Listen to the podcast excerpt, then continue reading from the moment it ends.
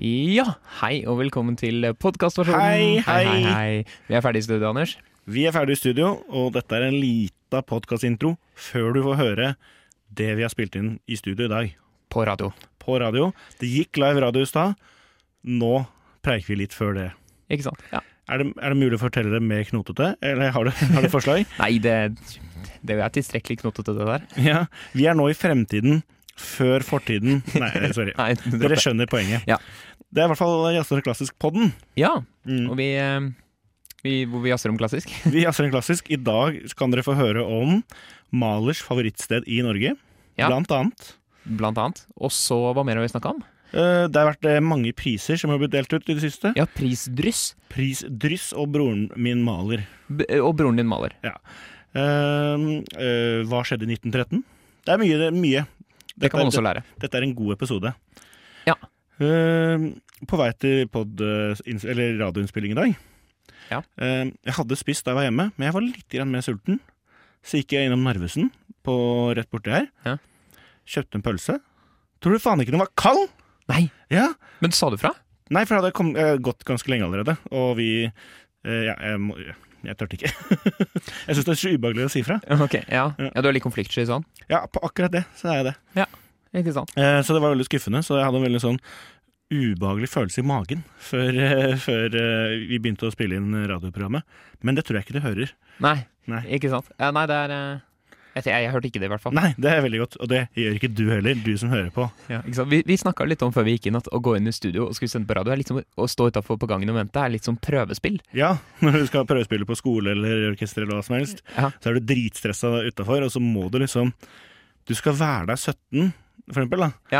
Eh, og så er du liksom i Eller 18 området i dette tilfellet. Ja, Da. 18 i dette tilfellet, men i mitt eksempel så skal du være der 17. Ok, ja. Eh, og, da, og da er du kanskje i en sånn der foajé hvor du kan sitte og slappe av, Mm. men rett før så må du jo stå klar utenfor fem minutter før. da Ja. Så da står du i gangen med instrumentet i hånda og bare er dritstressa. Og plut, du vet aldri når døra plutselig åpner. Og så er det sånn Hei, Anders. Ja, og så får du høre navnet ditt. Ja. Ja, ja, Og vi det får er ikke dere. høre jazzer om klassisk. Nei da, de sa ikke det. Da kan Jazzeren og Klassisk komme inn her. Det er sånn lege, legestudio. Lege, ja. Men og, det, Neste det, pasient. det jeg også, også syns er så rart, er å gå med celloen i en gang uten å liksom spille. Ja, hvis Å, ja. du skjønner. Jeg synes det, fordi du som klarinetist kan jo ha den i kjeften og varme litt på den og knatre litt på den. ja, sånn. Ja. Ja. Men jeg må liksom bare hol- gå rundt med celloen i hånda. Og det, du får ikke spilt med en cello stående. Ikke Nei, sant? for du må sette deg ned. Ja. Og hva heter den der, den, den du setter eh, celloen oppi hvis du har sånn snor? Har det et navn? Ja, eller jeg har alltid kalt det for stakkelbrett. Stakkelbrett. Ja, for det er jo en stakkel. eh, En stag! Stang, ja. Nei, nei, en, eh, en stakkel ut av celloen, den piggen, ehm, eh, som du setter den på. Men eh, jeg har også hørt noen kalle det for eh, piggbrett. Eller som min kollega i Filharmonien kaller det for, han kaller det for ehm, parkettbeskytter, eller noe sånt. ja. Så jeg vet ikke om det har ett navn, men det er en sånn kloss du setter på stolen. Nei, det er en snor i stolen, og så en kloss ut, og så setter du celloen på den klossen. Ja. Da ødelegger ødelegger ikke du gulvet. Nei, ikke sant? Nei. Ja, men vanligvis så er det jo masse sånne cellomerker på øverrommet og sånn rundt på Ja, ja, men folk gir faen, ikke sant? Ja, spesielt cellister. Cellister gir helt faen. Ja. Det, er, det er masse sånn cellohull i gulvet, og så er det masse sånn der kondensspytt fra messingblåsere som har vært der. Ikke sant? Ja. Dette kunne vi snakka om kjempelenge. Ja. Men vi klipper ut musikken i, som vanlig. Ja, det, vi, s- vi spiller jo av musikk live, men den får ikke lov å spille på pod. Nei. Så Mm. skal vi gå og klippe ut nå, og så legger vi ut podkasten. Den er jo ute når du hører den, selvfølgelig. Dette er meta, bro. Dette er meta, meta, meta. Og vi må også huske å si Vi har fått veldig mange hyggelige tilbakemeldinger. Det Mm. setter vi stor pris på, og forslag på ting å snakke om og spille av, det setter vi stor pris på. Gjør, send oss mer meldinger, det er fint. Det er veldig gøy. Yes, Men eh, da kos dere med sendingen. Den kommer her. Jazzer om klassisk. På Radio Nova. Ja, hei og velkommen til et nytt program om, eh, med jazzer om klassisk. Vi er tilbake! Woho! I studio så er det meg, Eirik. Og meg, Anders. Og Stian er med på teknikk i dag også. Hva har skjedd siden sist, Anders? Eh, noen ting har skjedd siden sist, holdt jeg på å si. Første, den låta vi nettopp hørte, var veldig fin. Eh, Ja, veldig fin låt. mm, Den eh, skal jeg legge til i lista. Kult. Eh, nei, jeg var på Som jeg sa i forrige episode, så skulle jeg på generalprøven til Filharmoniens konsert. Ja. Den eh, med mm, Heldenleben. Nei, jeg fikk ikke sett den. Jeg var Å, på ja. den generalprøven før, Ok, ja. hvor det var Janine Jansen som spilte Sibelles fiolinkonsert, Ja. og det stykket av Lars Petter Hagen. Ja. Veldig det er jeg veldig glad i musikken. Det er noe med å være på en generalprøve da, som er litt eh, merkelig, fordi de, da slapper de litt ekstra av. For de skal ikke eh, slite seg ut før konserten. Nei. Så du merker at de liksom spiller litt på halvgir. Men det var fett å se det for- allikevel. Ja, så gøy. Mm. Ikke sant. Ja, jeg har vært på orkesterkonsert siden sist, jeg òg. Det har du. Men med et litt annet type orkester. Jeg har vært på eh, et orkester som heter Kaizers Orchestra. ja, Det er deilig å gjøre noe sånt innimellom òg. Det var veldig gøy. ja. Eh. Og mens du var på Kaiser, så var jeg på Vassendgutane. Ja. Så vi hadde litt forskjellige musikkopplevelser. Ja. Det er gøy, for jeg sitter og skriver sånne fun facts for ungdom på Ja. noe som heter eh, De unges orkesterforbund. Og da skal jeg skrive om, altså om orkester, da. Mm. Og da slo det meg hvor mye Altså, man bruker orkester i mye forskjellig eh, type På forskjellige måter. Mm. Fordi vanligvis når vi sier orkester, så tenker man liksom symfoniorkester med strykere, blåsere og alt mulig. Ja. Slagverkere. Men eh, så er det liksom ulike orkestre. Det er jo eh, strykeorkester, blåseorkester individuelt. Og så sier man jo orkesteret til Kaizers. Det, det er på en måte et orkester òg. Ja. Og eneste defis- definisjonen i Cambridge eh, Dictionary er bare en gjeng med musikere som spiller forskjellige instrumenter og spiller sammen. Ja. Det, er, det er et orkester. En god definisjon. Jeg så, apropos noe annet nytt som har skjedd, jeg så at Lise Davidsen, Ja. hun er jo eh, en av våre aller største klassiske stjerner. ja, hun er et fenomen. Hun er jo verdenskjent. hun. Verdenskjent norsk sopran. Synger opera. Hun synger opera. Og er sånn Wagner-sopran, som han kaller det. Altså hun synger Wagner-opera, da. Ja, og jeg ehm, Hun delte på Instagram for to timer siden at hun er blitt nominert til Artist of the Year i et magasin som heter Musical America. Vi er så jævlig relevante nå. To Ja. timer siden dette ble Ja, annonsert. ja, ja. Og jeg tenkte sånn Musical America, det har jeg ikke hørt før. Men så skal jeg, skal jeg finne ut hvem som har vunnet denne eh, prisen før. Mhm. Eh, og da så jeg, for det er ofte et godt tegn, og da så jeg at det er Leonard Bernstein, Igor Stravinsky, Benjamin Britten, Vladimir Horowitz, Leopold Stokowski, eh, Pierre Boulez, eh, eh, Philip Glass eh, det er- Det er så mange kjente. Eh, Anne Sofie Motter, Yo-Yo Ma. Eh, Hillary Hahn. Hilary Hahn er den siste hun vant i fjor. Julia Wang, Andres Nelson Det er bare er en- fullt av kjempestore navn. Vi har ikke tid til å gå inn på hver og en av dem. Nei, nei. Så det men, um, er eh, veldig gøy. Så gratulerer eh, til Men du sa da at hun var nominert, eller at hun har vunnet? at hun er eh, Hun er Hun er den som vinner i 2024. Ja. Det er helt sjukt stort. Eh, og ja, hun er et fenomen. Hun er jo ja. Lise Davidsen. Vi må hylle henne. ja så det er veldig gøy. Gratulerer til henne. Dette ble vel ikke helt riktig. Det var vel ikke helt sånn det var? Ja, her må vi nesten beklage. Rett skal være rett. Ja, dette er en spalte som vi håper ikke blir ukentlig, men Ja, og Nå mener vi ikke det vi nettopp snakket om, for det var rett. Men det, vi, snak- det var noe vi snakket om forrige uke, ja. som der det ble sagt en feil. Ja, og da må vi rette opp. Det er ikke verdens største feil, men da vi, hvis dere kanskje husker den konkurransen vi hadde hvor jeg skulle gjette på britiske komponister, Ja, så slang jeg ut en komponist som heter Percy Granger. ja, Og da sa jeg 'han er jo ikke på lista'. Jeg Nei, tenkte ikke noe mer på det, jeg. nei, og det er jo en god grunn til at han ikke er på lista. Nei, For han er ikke, han er ikke fra England. Han er ikke britisk. i Han er, det hele tatt. ikke britisk. Nei.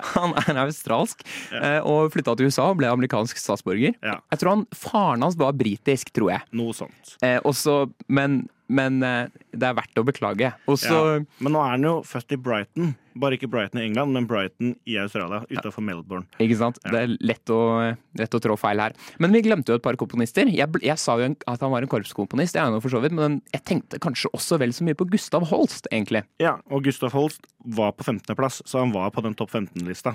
Ja, ikke sant? Så gøy. Og så, ja. Også en til som jeg har tenkt på, er Malcolm Arnold. ja. Og han var på 22.-plass, så han var utenfor den 15-lista jeg hadde. Mm. Gustav meg. Holst er jo, har jo egentlig Han er litt sånn har et veldig kjent stykke, Mm. og det er 'Planetene'. Ja, Og da er det Mars og Jupiter som er de kjenteste. Ikke sant? Eh, det, det er mye brukt i film, og altså, nesten hele Star Wars-musikken er på en måte en rip-off av det stykket av eh, Gustav Holst. Ikke sant? Kan vil onde tunger påstå. Ja, og så har han også skrevet to eh, suiter for korps, blant annet. Mm. Jeg trekker jo fram korpsmusikken Ja, støttestadig. ja, ja. Eh, og så Malcolm Arnold, eh, da må jeg trekke fram en eh, klarinettsonatine. Som er et lite klarinettstykke i tre satser. Som eh, brukes eh, som brukes mye. Men da er kanskje Percy, Percy Granger på topp 15 i Australia, da. Men det får vi ta en konkurranse en annen gang. Det får bli en annen konkurranse. Du hører på Jazzer om klassisk. Mandager mellom 6 og 7 på Radio Nova. Ja, det var 'Romanse fra ti stykker for piano' av Jean Sibelius. Og det var Jean. spilt, Jean Sibelius. Og det var spilt av Leif Ove Hansnes, en annen verdensstjerne vi har i Norge. Vi har noen verdensstjerner i Norge, og han er en av dem. Han er NM, helt klart. Eh, Og jeg var på konsert med Leif Ove Hansnes en gang, hvor han Wow. spilte dette som ekstranummer. Og Ja. det var altså, etter han var ferdig med dette, så var det bare helt stille. i- Det føltes som kanskje et halvt minutt. Og det føler jeg sånn, når du spiller, og publikum er stille lenge etterpå, da har du gjort noe bra. Da har du gjort noe bra. Og hvis applausen starter veldig fort, da, da Nå, vil jeg, nå må vi bli ferdig. Nå må jeg ut og ta pils. Ikke sant, ja. Sånn er følelsen, da. Nei, men eh, Det som er så, er så gøy, er at det er så rolig, fint stykke. Men siden det er et pia- pianostykke, så må det være litt sånn shredder-ting i midten. Bare for å vise at jeg kan spille jævlig fort også. Ikke sant? Eh, if you, if, ja, hvis du lurte. Ja. Men eh, Oslo Filharmoniske Orkester Ja, har fått ny direktør. De heter jo ikke det lenger. De heter jo Oslo Filharmonien. Bare Ja. for å ikke måtte rette på selv neste uke. Åh, ja, takk skal du ha at du rettet den. Eh, de har i hvert fall fått eh, ny direktør, og han heter Knut Skansen. Og han har vært direktør i Deichman nå. Ja, de hadde jo Ingrid som direktør lenge. Ja. Eh, Og hun har gått til Nasjonalmuseet. ja, så de har flytta litt, eh, flyttet litt på seg. Ja, og han begynner fra 1. januar. Ja. Og han, det som er interessant med han, han har vært direktør for Deichman, altså folkebiblioteken her i Oslo.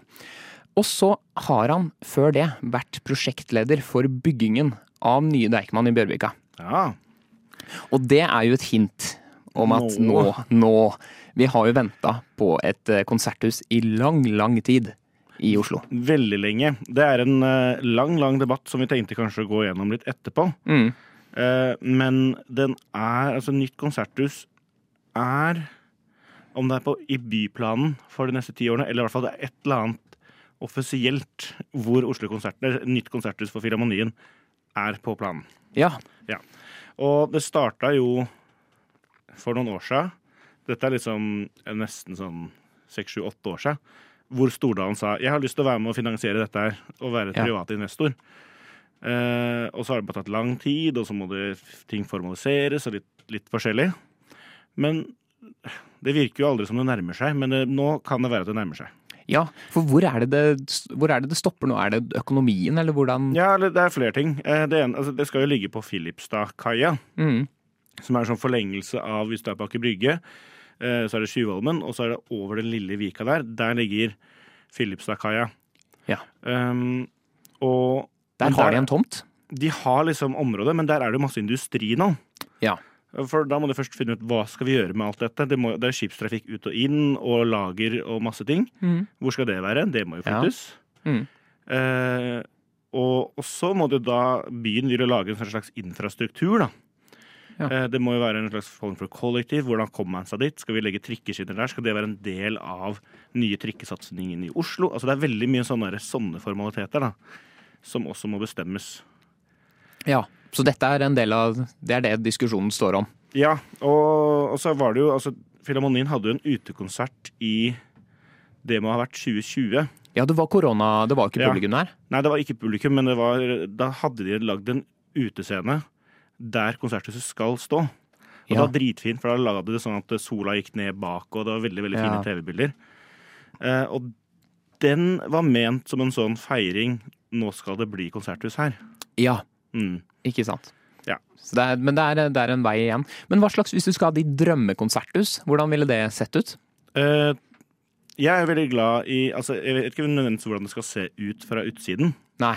Men mer sånn Eh, hva, hva men- slags rom og hva slags Ja, fordi da må man altså Det vi kan si, da, eh, er jo at problemet med konserthuset nå er jo akustikken. Og det Ja. har det jo alltid vært.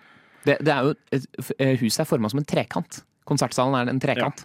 Og de har prøvd å gjøre mye med det, men akustikken blir aldri bra. Så Nei. liksom en av verdens beste orkester faktisk fortsatt spiller liksom i et rom som ikke er bra nok for dem. Ja. Det er liksom grunnen, Mm. grunnen til at man må ha et nytt konserthus. Så du er litt opptatt av at salen skal være veldig bra. Salen må være kjempefint. Mm. Eh, kjempefint. Eh, Den må være, ha bra akustikk.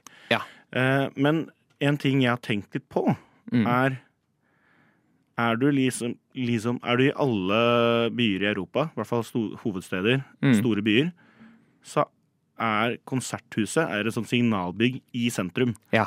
Og det har alltid en T-banestasjon eller trikkestopp eller busstopp som heter Konserthuset. Ja. Eh, eh, men i Oslo så er det, har vi jo ikke det, fordi konserthuset er gjemt oppi noe kontordistrikt i Ja. Vika. Og hvis du skal finne det, så må du tilfeldigvis se til venstre eller høyre når du går forbi Narvesen. Altså det er helt umulig å finne. Ja. Eh, så det jeg også håper, da, er at det blir et sånn signalbygg à la Operaen. ja. Helt klart. Det er sånn som alle har et forhold til Ullevål stadion, selv om de ikke har vært på fotballkamp der. Men det er en viktig T-banespor, Helt Mm. klart. ikke sant. Det syns jeg også Ja. hadde vært fint. Jeg ønsker meg kanskje, i tillegg til en storsal, litt sånn kammersaler. En fin, god kammersal for akustisk musikk. Mm, Og kanskje, kanskje puber. At det blir litt et attra- attraktivt område. ja, Hvor det er litt restauranter, puber. Eh, hvor det Ja, kanskje det er er jeg enig i. mulig for å få klassiske konserter i litt andre former også. Det ville vært kjempekult. Ja, det er jeg helt enig. i. Det er jo litt eh, Det er jeg helt enig. i. Og så ser man jo også de, de eh, kulturinstitusjonene som har fått nye bygg nå. Det var jo først Operaen, og så eh, Munch-museet, og så Deichman, og nå Nasjonalmuseet også. De fire har jo fått sykt mye mer publikum etter at de fikk disse nye husene, som har kommet til sentrale steder i Oslo, hvor de er signalbygg, og, og folk har lyst til å dra dit. Så det håper jeg eh, at blir eh, at det blir et sånn type bygg da, som tiltrekker seg nye grupper til å høre på den klassiske musikken.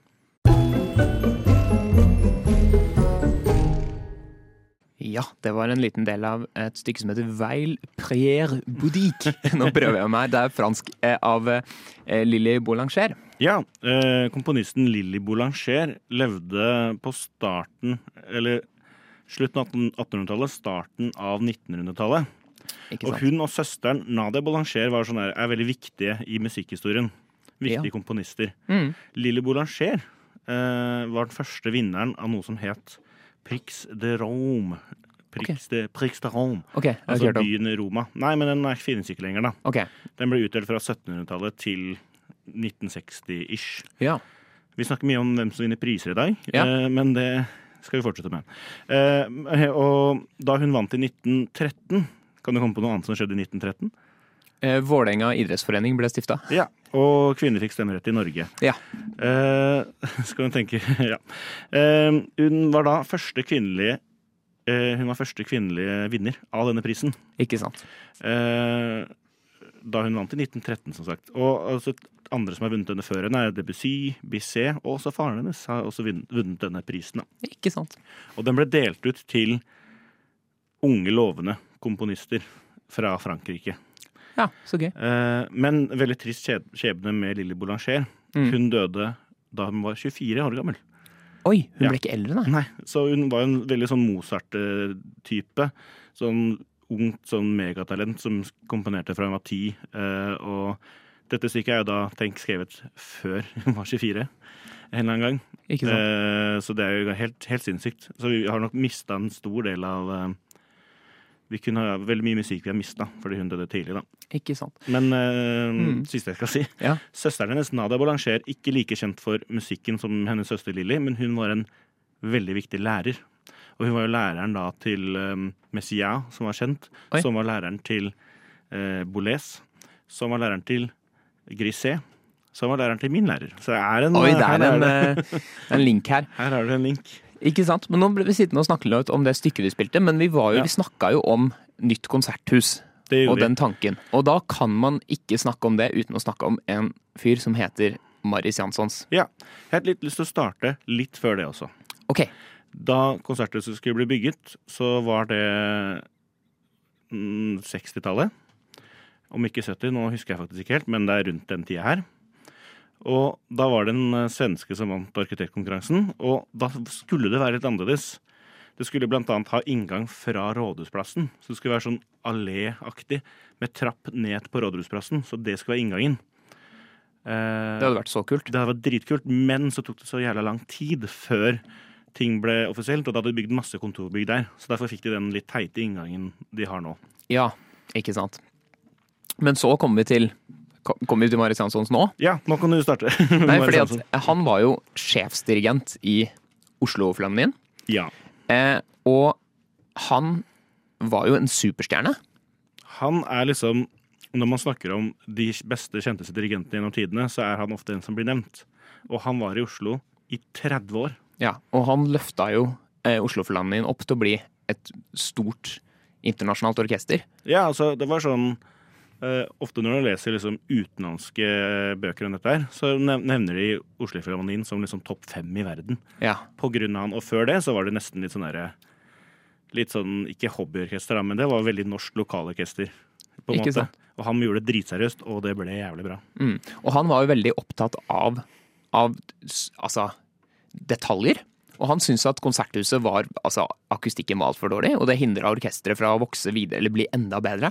Så han, han ønska seg nytt konserthus allerede da. Du kan si at han ga seg som eh, sjefdirigent i 2003, omtrent Ja. da. Og da var han altså så sint for at han ikke fikk nytt konserthus, at han dro. Slutta. Men det som også skjedde, var at han sa på Altså, han har jo gitt hele livet sitt til Oslo og Oslofilharmonien. Mm. Og så sa han vi må ha nytt konserthus, og hvis ikke dere steller seg bak meg Altså, han sier til ledelsen dere må stelle dere bak meg for å pushe på nytt konserthus, eller så må jeg dessverre slutte.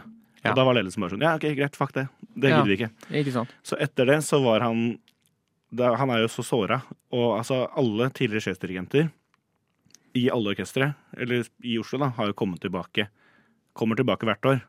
Blomstedt og alle gutta, de har liksom De kommer, har i hvert fall én konsert hvert år hvor de dirigerer Oslofilharmonien, Mm. men ikke Marius Jansson. Han nekter kom å aldri komme tilbake. tilbake. Og så Han var døde- i Oslo én gang. Eh, Det var da operaen skulle ha første altså åpningskonsert på operaen. Den som var på NRK. Mm. Og da sa han jeg kan være med på én betingelse. At han blir flydd inn på Gardermoen, blir satt i taxi rett i operaen. Rett inn i operaen, dirigere, rett inn, taxi tilbake. Ikke sette foten sin i Oslo i det hele tatt.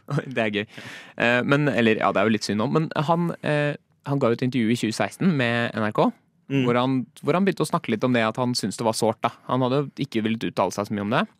Og så døde han i 2019, Ja. så han fikk aldri oppleve at det blir noe nytt konserthus i Oslo. Nei, han fikk liksom aldri en eh, hva skal man si, redemption da, Nei. for alt dette her. Det ligger en veldig fin dokumentar på NRK eh, nå.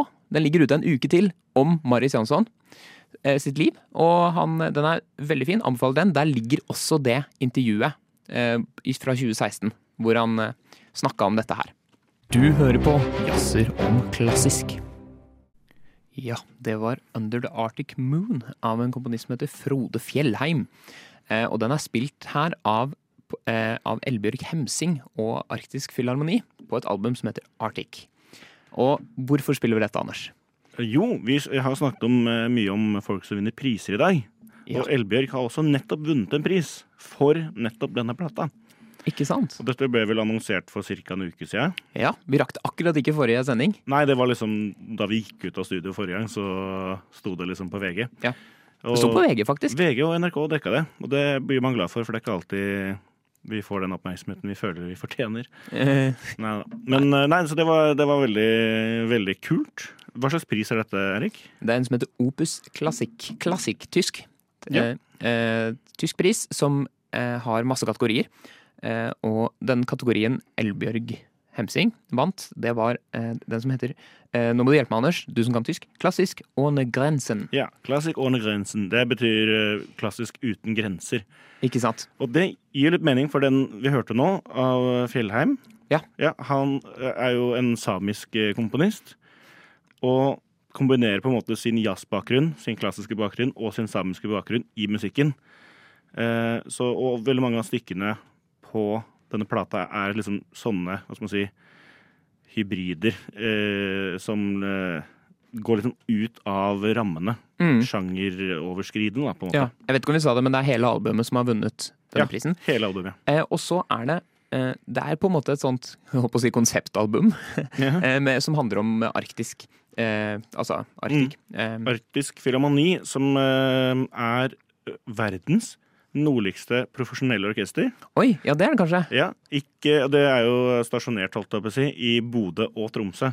Ja. Så de er liksom, begge de to byene er liksom Dekka. hjem, Ja. hjemstedet, Hjemstedet. Av, for arktisk. Mm. Det er ikke verdens nordligste orkester, for det er Longyearbyens strykeorkester, som er et eh, Oi. barne, barneorkester. Oi, har de det? Ja. Ja, ja. ja, det må de jo ha. Det må de ha, men dette er det nordligste profesjonelle, da. Ikke Og sant? de har nå ansatt eh, eh, en som er som ansvar for samisk og kvensk musikk, så de, de er veldig opptatt av å ta vare på kulturen rundt seg på ulik musikk de spiller. da. Det er Mm. veldig stilig. Ikke sant. Eh, Kan vi ikke ta og høre på et stykke til fra dette albumet?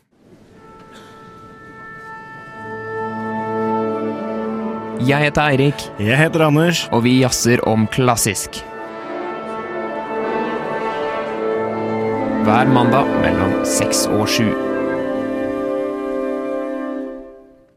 Ja, da skal vi over på et av dine favorittemaer, Anders. Ja! Og det er Endelig skal vi snakke om Gustav Mahler. Ja, Woohoo!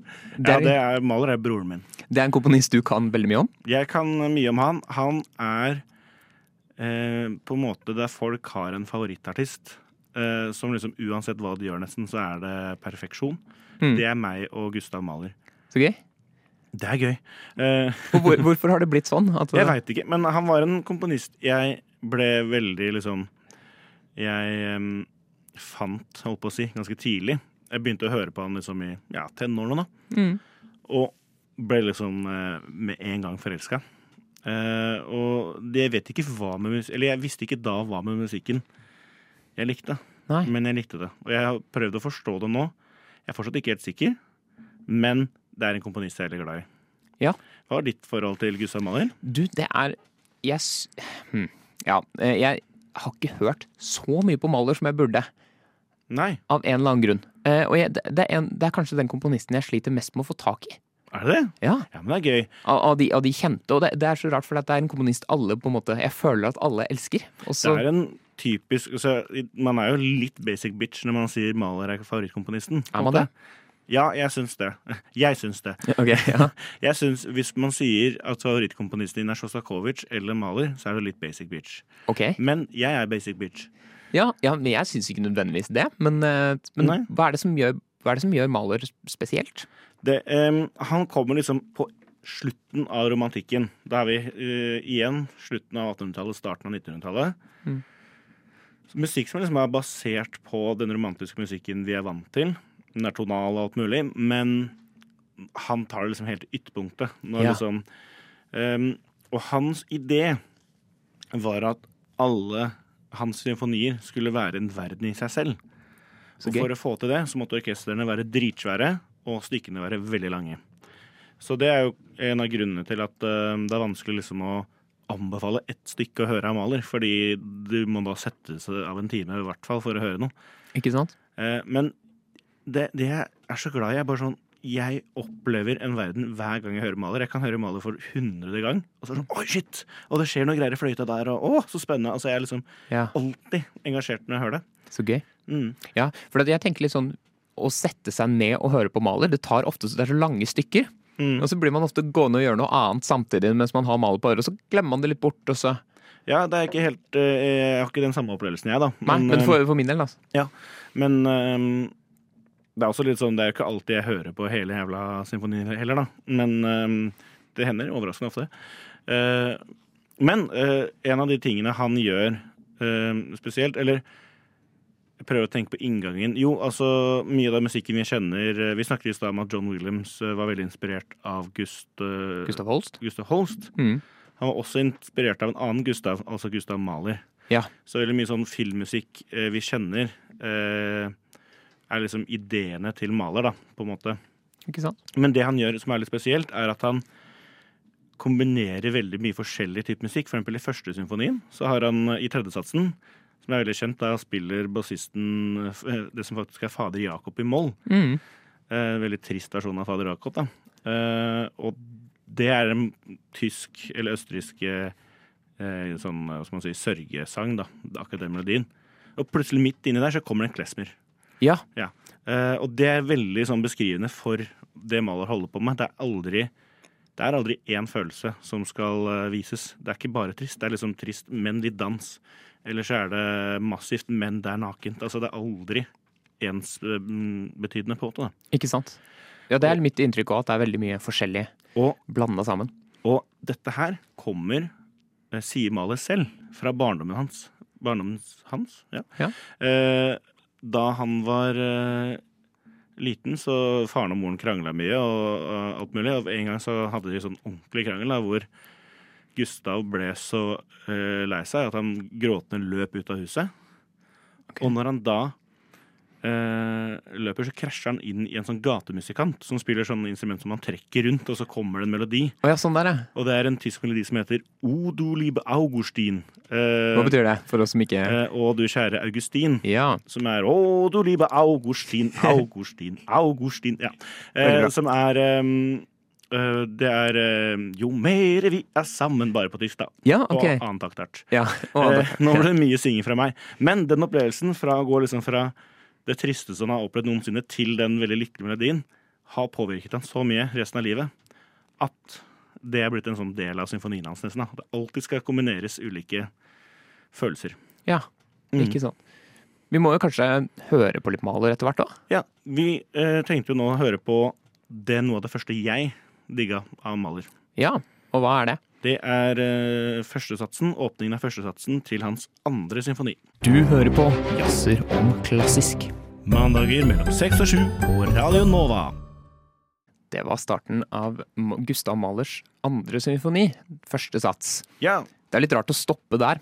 Det er litt rart å stoppe der. Jeg har lyst til å høre hele, jeg nå. Ja, Mm. da går programmet kun til det. Da bruker vi hele timen på det. Men kan vi ikke plassere Mahler litt mer, for jeg trodde, jeg trodde Mahler var tysk? Ja, det er han jo ikke. Han er jo fra Bøhmen, Berman, som nå ligger i Tsjekkia. ikke sant? Men da var det en del av Østerrike og Ungarn, så han er østerriksk, da. Ok, Men han sa jo alltid at øhm, han øh, var Følte seg ensom i alle verdener. Han var liksom en øh, tsjekker i Østerrike, de ble sett ned på. Og når han dro fra Østerrike til rundt i verden, så var han en østerriker der. eh, Og eh, en slags innvandrer, da. Og så var han jo eh, født jøde. Og det, det var jo også alltid et problem. Mm. Så mm, det er også en del av skjebnen hans, da, at han aldri følte seg hjemme noe sted. uansett Ja. Hm. hvor han var.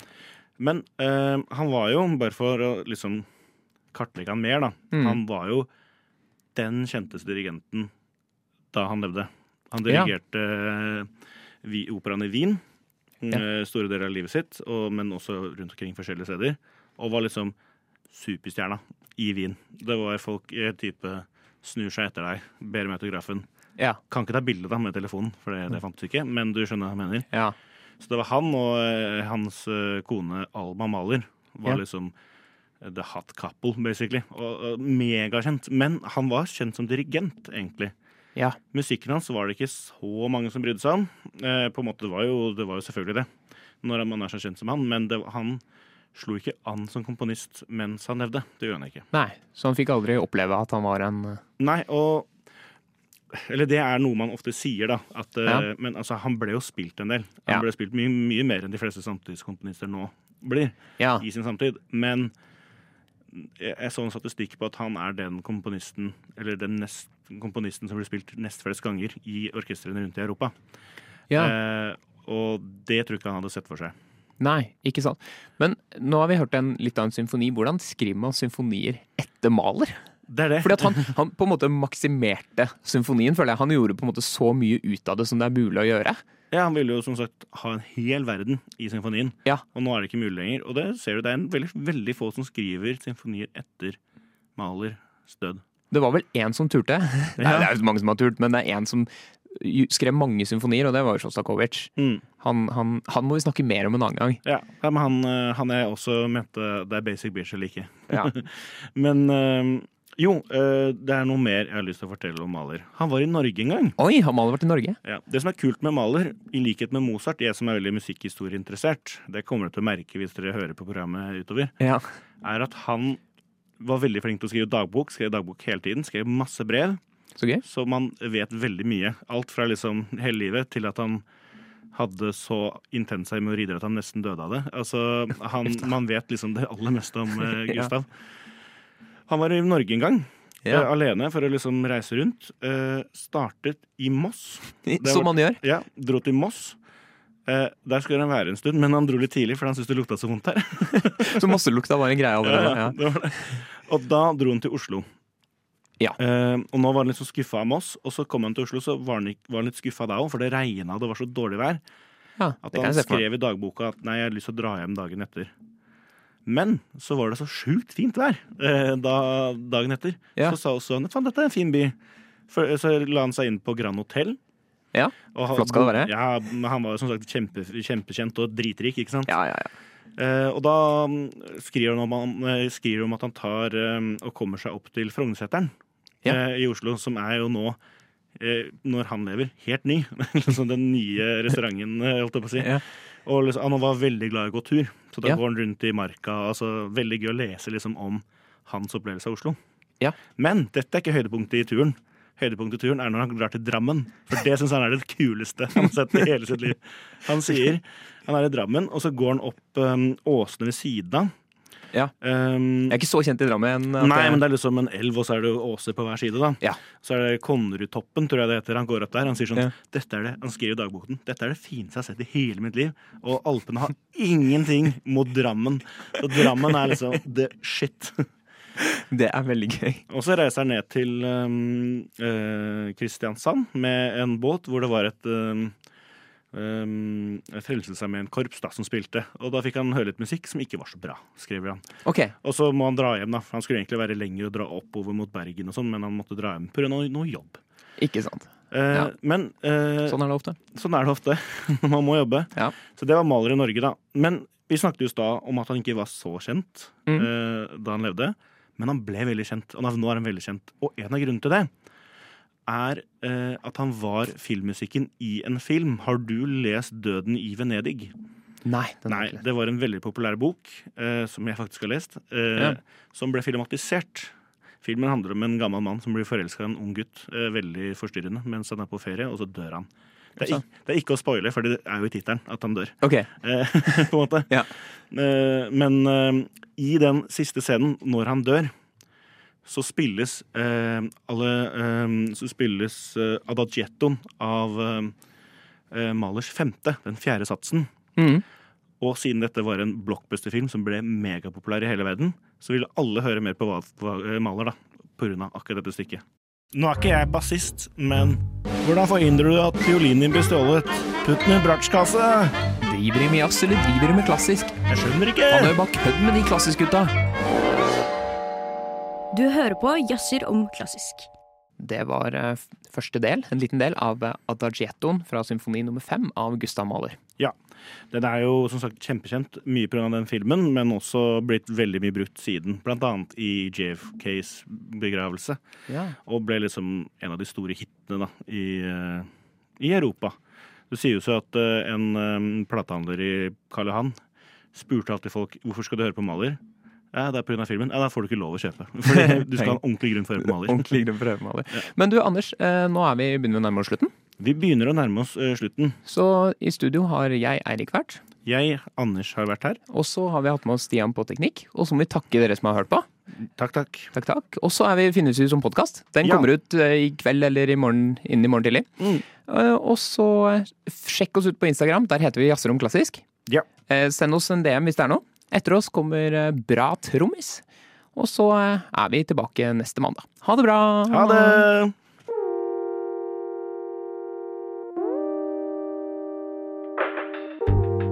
Du har hørt på en Radio Nova-podkast. Finn flere podkaster på radionova.no eller på din foretrukne podkasttjeneste.